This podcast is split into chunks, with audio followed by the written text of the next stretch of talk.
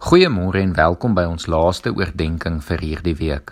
Ons het die week nagedink en ingeoefen om van ons spanning en bekommernisse ontslae te raak deur dit aan God oor te gee en goeie gewoontes in ons lewens in te bou.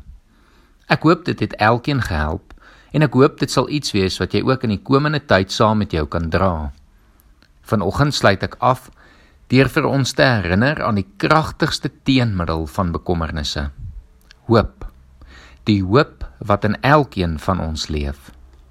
In 1 Petrus 3 vers 15 lees ons dat God se mense nie alleen met eerbied voor God moet lewe nie, maar dat God se mense altyd bereid moet wees om te getuig met woord en daad oor die hoop wat in ons leef. Wat is hierdie hoop wat in ons leef? In Efesiërs 1 vers 5 tot 8 beskryf Paulus hierdie hoop pragtig dat ons deur Jesus Christus God se mense is. Dat God in Christus genadig was teenoor ons.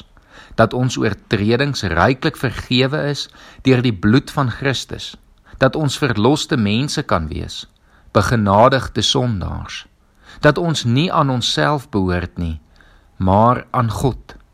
In hierdie lewe, maar ook in die lewe hierna. Dat ons dus elke oomblik van ons lewe kan hoop en eintlik kan weet dat ons nooit sonder God is of sal wees nie. Ons as gelowiges het hoop.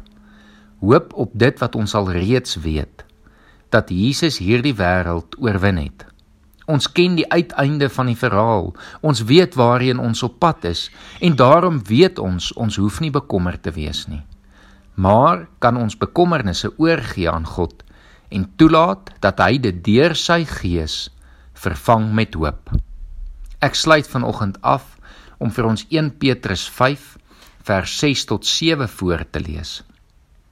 Onderwerp julle daarom in nederigheid aan die kragtige hand van God, sodat hy julle kan verhoog op die tyd wat hy bestem het. Werp al julle bekommernisse op hom, want hy sorg vir julle. Kom ons bid saam. Here, dankie dat U vir ons hoop gegee het.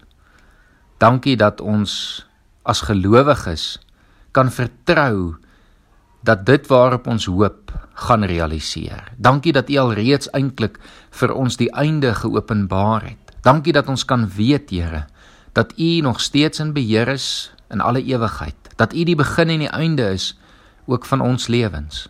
En Here, dat ons daarom onsself in totaliteit aan U kan oorgee en op U kan vertrou. Here, ons leef in 'n tyd wat baie spanningsvol is en waar elkeen van ons 'n klomp bekommernisse het. Maar Here, ons kom vra dat U deur U Gees al hierdie bekommernisse sal vat, Here. Dat ons dit vandag op U kan werp en dat ons kan weet, Here, dat U vir ons sal sorg en dat ons met hierdie hoop in die wêreld sal ingaan om ook oor U te getuig. Ons bid dit in Jesus Christus se naam alleen. Amen.